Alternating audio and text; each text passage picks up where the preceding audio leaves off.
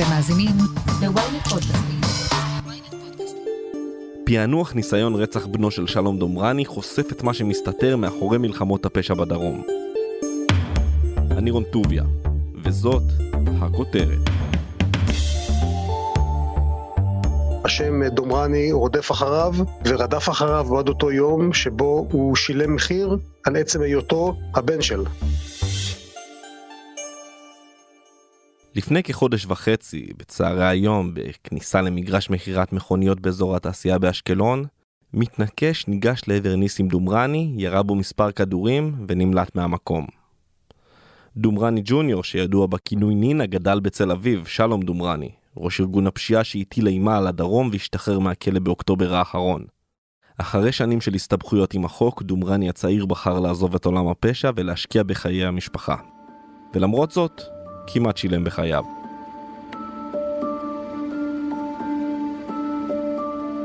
אתמול בבוקר הודיע ימ"ר לכי שפענחה את ניסיון הרצח ותגיש כתב אישום נגד שלושה חשודים.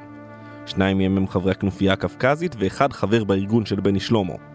שני אלו הם ארגונים שמסוכסכים עם דומרני אב וחברו ביחד נגדו. מתן צורי כתבנו בדרום, מי הוא בעצם ניסים נינה דומרני ולמה האויבים של אביו ניסו לרצוח אותו?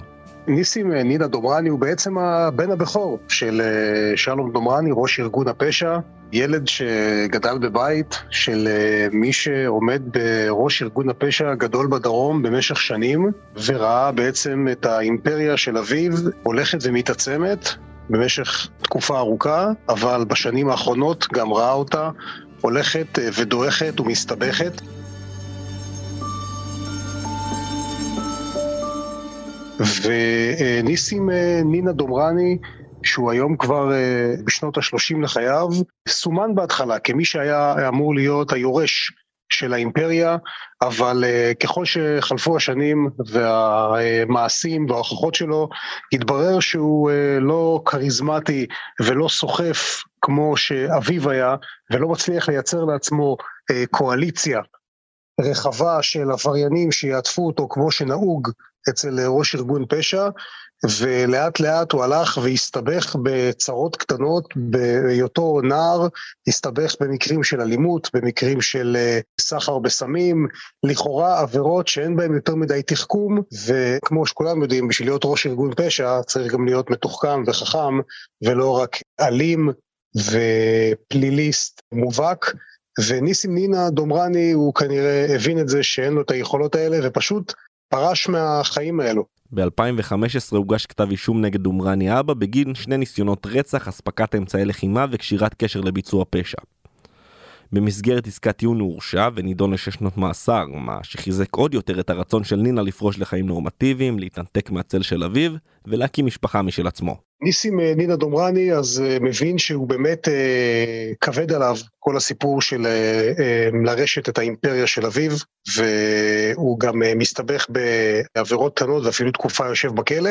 הוא עובר להתגורר באשקלון, מבין שהוא לא יכול להסתדר בעולם הזה, שאין לו את היכולות, ולכן הוא אומר, אם אני לא יכול לעשות את זה, אז אני פורש לעסקים אה, לגיטימיים ועסקים פרטיים משלו, בתחום של אה, מגרשי רכב, וזה מה שהוא עשה בשנים האחרונות, ובאמת גם במשטרה אה, עקבו אחריו וראו באמת את ההתנהלות שלו, ומצאו שהוא באמת לא מסובך עם עבריינים, לא מסוכסך, התחתן, הקים משפחה, ואפילו שמו לב שהוא ניסה לשנות את שם המשפחה שלו.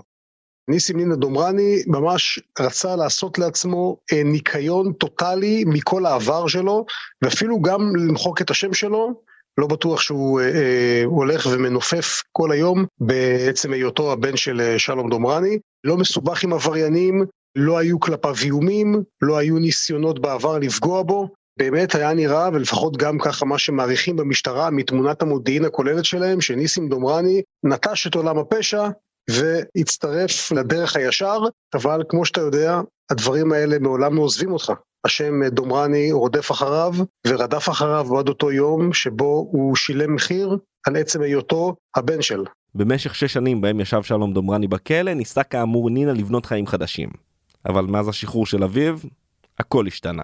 שלום דומרני משתחרר מהכלא בחודש אוקטובר האחרון, אה, אחרי שש שנים שהוא ישב בכלא, כמה חודשים קודם לכן משתחרר מהכלא האויב המר שלו, בני שלמה, וכל אחד מהם מנסה לשקם את אימפריית הפשע שלו, וכל אחד מנסה לבסס את מעמדו מחדש.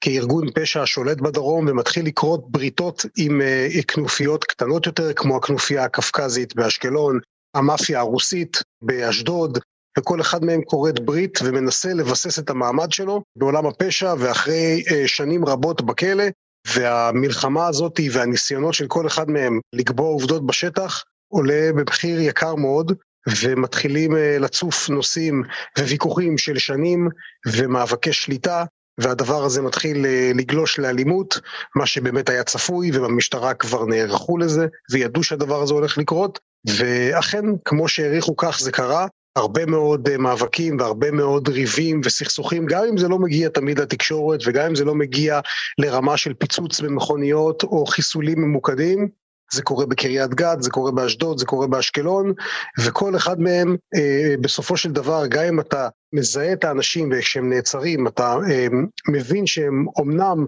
אה, מה שנקרא דג רקק, אבל הם משייכים איפשהו, בסופו של דבר, לקצה של הפירמידה של שני ארגוני הפשיעה הגדולים, או בני שלמה או אה, שלום דומרני, ובאמת הפגיעה בניסים דומרני והניסיון אה, אה, חיסול שלו הוא חלק מהמאבקים האלה, גם כשמדובר באנשים שהם לכאורה מחוץ לעולם הפשע.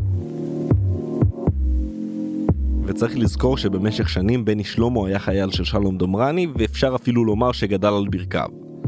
מאז עבר הרבה דם רע, תרתי משמע בין שני העבריינים, לאחר ששלמה חבר לארגונים מתחרים לדומרני.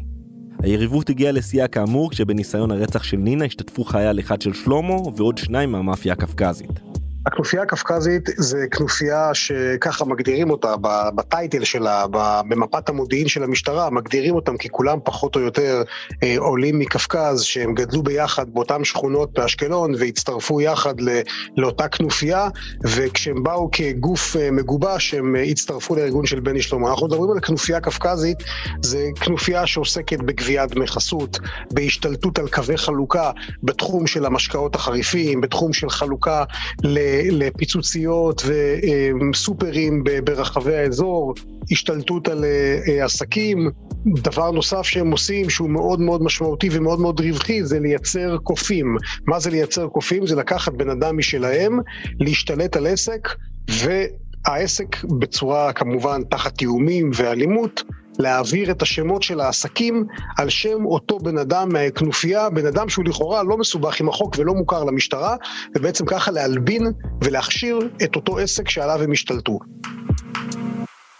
וברגע שנוצר להם אה, איזשהו כוח ומעמד והרבה מאוד יכולות כלכליות, שזה הכל מתנהל במזומן, אין פה עניין של אה, כרטיסי אשראי או הלוואות מסודרות מהבנקים, כמו שאני ואתה מכירים, הרבה מאוד כסף מזומן רץ מיד ליד, אז ברגע שהם מגיעים למעמד כזה, הם כבר uh, יכולים לבוא לארגון פשיעה גדול יותר ולעשות איתו שיתופי פעולה ולכרות איתו בריתות.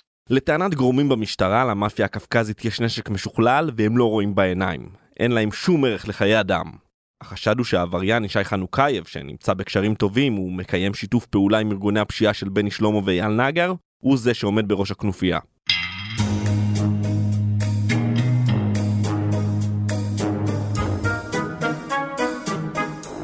כמו ברוב, אם לא בכל ארגוני הפשיעה בעולם, המלחמה בין העבריינים בדרום היא לא רק על כבוד, אלא על כסף.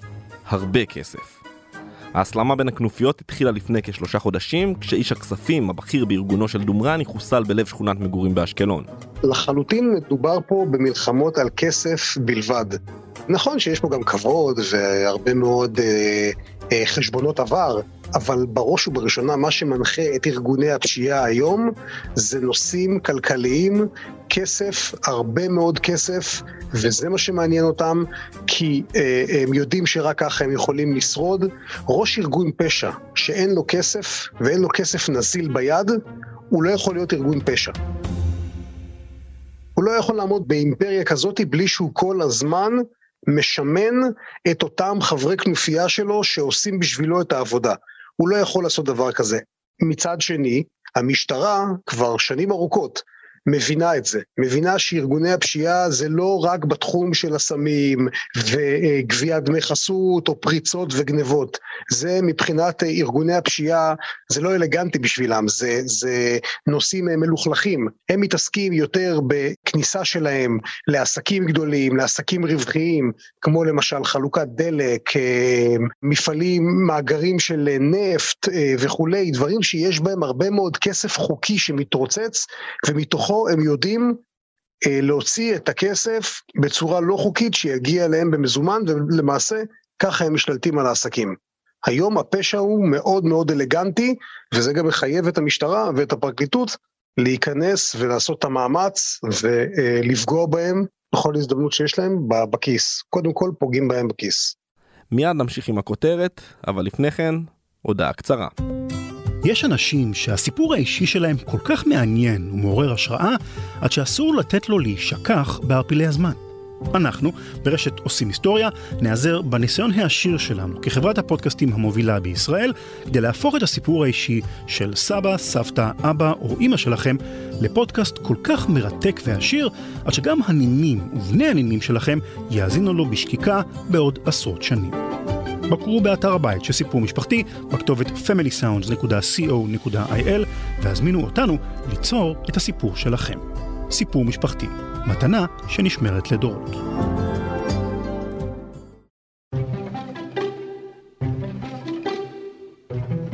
במשטרה הבינו שכדי להילחם בכנופיות הפשע המאורגן צריך פשוט לייבש אותם כלכלית ולעקוב אחרי טעויות כספיות של העבריינים. ניצב משנה בדימוס אבי דוידוביץ', לשעבר סגן ראש היחב"ל וקרימינולוג, איך בעצם המשטרה עושה את זה? המשטרה נלחמת אה, בארגוני הפשיעה בכמה מישורים, בכמה מימדים, כשהמטרה היא לפצח את הארגון. מה זה לפצח? זה לגרום לכך שהארגון יחדל מעיסוק אה, בעבריינות, מעיסוק, בפעילות פלילית. אז אה, זה אפשרי על ידי אכיפה, לתפוס את האנשים בכל מיני עבירות שהם מבצעים. וכמובן לגרום לכך שהם יבואו לדין ולהכניס אותם אחרי סורג ובריח, אבל אין די בכך, אלא צריך גם כן לפגוע ביכולות הכלכליות של הארגון. כי גם אם למשל אתה מצליח לתפוס את ראש הארגון על איזושהי עבירה, ואפילו עבירה חמורה, ולהכניס אותו לבית הסוהר, הארגון יכול להמשיך לפעול כל עוד שיש לו את המשאבים הכלכליים.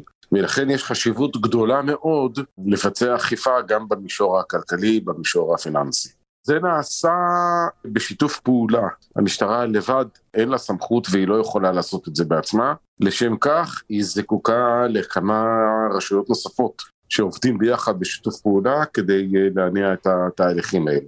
ולכן יש איזשהו אה, דסק או אם תרצה חמ"ל משותף שיושבים ביחד נציגים של אה, כמה ארגונים, של המשטרה, של הרשות אה, לאיסור אה, הלבנת, על הלבנת הון וכמובן רשות המיסים. לפי העניין גם יכולים להצטרף אליהם מרשויות אחרות כמו הרשות לניירות ערך, וביחד ממפים את כל ההיבטים הכספיים של הארגון, את ההכנסות, את העברות הכספים, ומתחילים לראות איפה בכל השרשרת הכספית הזאת מתבצעת עבירה ולבצע אכיפה. בארגוני הפשיעה הבינו מזמן כלל פשוט. לראש הארגון אסור להתלכלך. הם לא מבצעים ישירות את הפשעים, הם לא מעבירים הוראות ישירות לחיילים, שום העברת כספים לא רשומה עליהם. בשביל זה יש אנשי קש. אבל בכל זאת המשטרה מצליחה להתמודד עם התופעה ולקשור בין הפשע הכלכלי לבין ראש הארגון. לא חסרים סיפורים מהעבר, ריקו שירזי, משפחת אבוטבול, איציק אברג'יל, ועוד רבים ולא טובים. נכון, אז אה, אם אנחנו מדברים על ההיבט הכספי, אז באמת צריך ללכת, אה, ללכת בעקבות הכסף. צריך להרים את המסך מעל כל הטרנסקציות, מעל כל העברות הכספים, ומעל כל אה, גלגולי הכספים וההלבנה שלהם, ולבצע עבודת נמלים של הפקדה אחרי הוצאה, אחרי קנייה, כי בסופו של דבר הארגון, אותו ארגון פשיעה מנסה לעשות כמיטב יכולתו, שהרשויות לא יצליחו לשים יד על, המשאבים שלו. ואם אנחנו מדברים ברמה האישית של ביצוע עבירות פליליות, אז אה, גם כאן נפרסת אה, תשתית מאוד מאוד רחבה של אמצעים טכנולוגיים. לא מזמן חלק מהאמצעים האלו גם היו בכותרות. היום הציבור יודע שיש למשטרה יכולות לבצע האזנות, לבצע איכונים וכיוצא באלו דברים, אבל זה לא עומד לבד. בנוסף לכך חייבים אה, גם לגייס מקורות חיים אנושיים, ובנוסף לכך יש מאמץ לגייס סוכנים, ואפילו להגיע להסכמים כאלו ואחרים עם אנשים שחלקם לפחות יצטרכו להיכנס למסגרת של הגנה על עדים, כך שהלחימה בארגוני הפשיעה היא לחימה מערכתית. המשטרה, נכון, היא חוד החנית, היא מובילה את המהלך, אבל היא לא לבד אה, בסיפור הזה, כמובן, כמובן, צריך להזכיר גם את הפרקליטות, את, ה, את התביעה, שזה בסופו של דבר הרגל המסיימת של כל התהליך הזה, כך שמדובר בתהליך שהוא אה, עתיר משאבים, הרבה מאוד אה, משאבים והמשטרה צריכה להשקיע כדי לבצח, לפצח ארגון. לשמחתנו, אה, המשטרה, לפחות בשנים האחרונות, אפשר להגיד אה, די ברמה של כמעט בעשור האחרון, היא מגיעה להישגים לא מבוטלים בתחום הזה. ואם עסקינן בעשור האחרון, אז מה בעצם שונה בתקופה שלך במשטרה לעומת הפעילות הנוכחית? אין ספק שקו פרשת המים בהתייחסות של המשטרה, ואגב, זה לא רק של המשטרה, כי דיברנו על, על כך שמדובר באכיפה מערכתית ומדובר בגישה מערכתית, אז זה בכלל של כלל הרשויות, אז אין ספק שכף פרשת המים היה אותו רצח מפורסם ביהודה הלוי אה, ב-2003, רצו אז אה, לחסל את אה, זאב רוזנשטיין, והוא יצא מהעניין ללא פגע, היה שם כנראה טעות ביזוי, ובסופו של דבר נרצחו שלושה עוברי אורח, אזרחים תמימים לחלוטין, ביהודה הלוי בתל אביב בצהרי היום. היום אנחנו יודעים לספר שמאחורי הפיגוע הפלילי הזה עמד ארגונו של יצחק אברג'יל שאחרי חקירה ממושכת ומשפט מורכב הורשע בנובמבר האחרון בתיק 512 ונידון לשלושה מאסרי עולם. דיברנו על זה בפרק, כך הופל ראש המאפיה בישראל. זה היה קו פרשת המים שהביא את המדינה להכרה וההבנה שארגוני הפשיעה במדינת ישראל הגיעו לרמה כזאת ולאיום על שלטון החוק שצריך לעשות מעשה אתה יכול לראות למשל שאהוד אולמרט שהיה ראש הממשלה בישיבה האחרונה שלו כראש ממשלה הוא תקצב את רשות המיסים כדי שהם ייכנסו למאבק כתף אל כתף ביחד עם המשטרה שאר הרשויות גם אה, באותה תקופה אנחנו מדברים על הקמת הרשות להגנה על עדים מאוימים, דבר שבזמני לא היה למשל, וזה גם כן אה, אחד מהכלים הבסיסיים והחשובים שבלעדיו אתה, אתה יכול להגיע לכך שיחידת משטרה תהיה משותקת כי היא תצטרך לטפל ולהחזיק את, ה, את אותו עד. ועכשיו יש לך רשות מקצועית שזה תפקידה והיא עושה את זה בצורה מאוד מאוד אה, חכמה חלק מהעדים האלו לא מוחזקים רק בארץ, הם מוחזקים בעולם, עם הסכמים בינלאומיים, הסכמים מדדיים, כך שאנחנו בהחלט מדברים על התפתחות, התפתחויות גם בקרב הרשויות וגם בטכנולוגיה, שבזמני לא היה, וטוב שכך, ואנחנו כמובן מברכים על כך. אבי דוידוביץ', תודה רבה. אני מודה לך.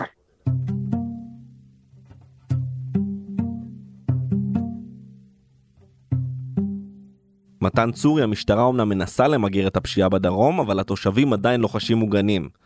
כידוע לא חסרים להם פיצוצים מכיוון רצועת עזה, אז איך הם מתמודדים עם פיצוצים מבית? כן, אז באמת הפיצוצים האלה הם כבר אה, דבר שהוא אה, מערער מאוד את הביטחון האישי של אה, התושבים, בעיקר האירועים האחרונים שהיו באזור אשקלון, החיסולים, מכוניות התופת. המשטרה כאקט ראשון היא כמובן מתגברת נוכחות בשטח, היא מגבירה את הסיורים, ובאמת התושבים יכולים לראות את זה, ובאמת זה מייצר איזושהי תחושת ביטחון. קשה מאוד לייצר ראיות בדבר הזה, אני יודע שזה מסובך. להוכיח קשר בין אדם, לכאורה, אדם מן היישוב, שהוא מחובר איכשהו אה, לארגון פשע, זה קשה מאוד, כי גם ארגוני הפשיעה יודעים טוב מאוד לטשטש עקבות, והם עושים את זה. לראיה, זה רק לפני חצי שנה הוגש כתב אישום נגד אה, בני שלמה בהיקף של 7 אה, מיליון שקל. כתב אישום באמת שכולם צריכים לקרוא אותו כדי להבין איך בדיוק זה מתנהל, איך באמת מייצרים אנשים שהם לכאורה לגיטימיים, והם אלה שעושים בשבילך את העבודה, אבל אתה בעצם מרוויח מזה. ופה זה האתגר הגדול של הפרקליטות והמשטרה, זה לפגוע להם בכיס, מצליחים בזה, לא באופן אה, מוחלט, אבל הם מנסים, ויש גם הרבה מאוד הצלחות, אבל זה עדיין עדיין לא מספיק. מתן צורי, כתבנו בדרום, תודה רבה לך, ושיהיה לך ולשכנים שקט ושלווה. אני מקווה, ממש ככה. תודה לכם. עד כאן הכותרת להפעם. אתם מוזמנים לעקוב אחרינו בוויינט או איפה שאתם שומעים את הפודקאסטים שלכם. אם זה קורה בספוטיפיי או באפל פודקאסט, אתם גם מוזמנים לדרג אותנו, להאזין לפרק נוסף על הפשיעה בדרום. חפשו את הפרק המלחמה של דומרני. כתבו לנו את דעתכם על הפרק בקבוצת הפייסבוק פודקאסט להמונים או אצלי בטוויטר, וכמובן אל תשכחו לשלוח את הפרק לחבר שעדיין לא שמע את הכותרת של היום. את הפרק ערכתי ביחד עם גיא סלם על הסאונד ניסו עזרן, מחר סיוון חילאי תהיה כאן עם פרק נוסף. אני רון טוביה ונשתמע בפעם הבאה.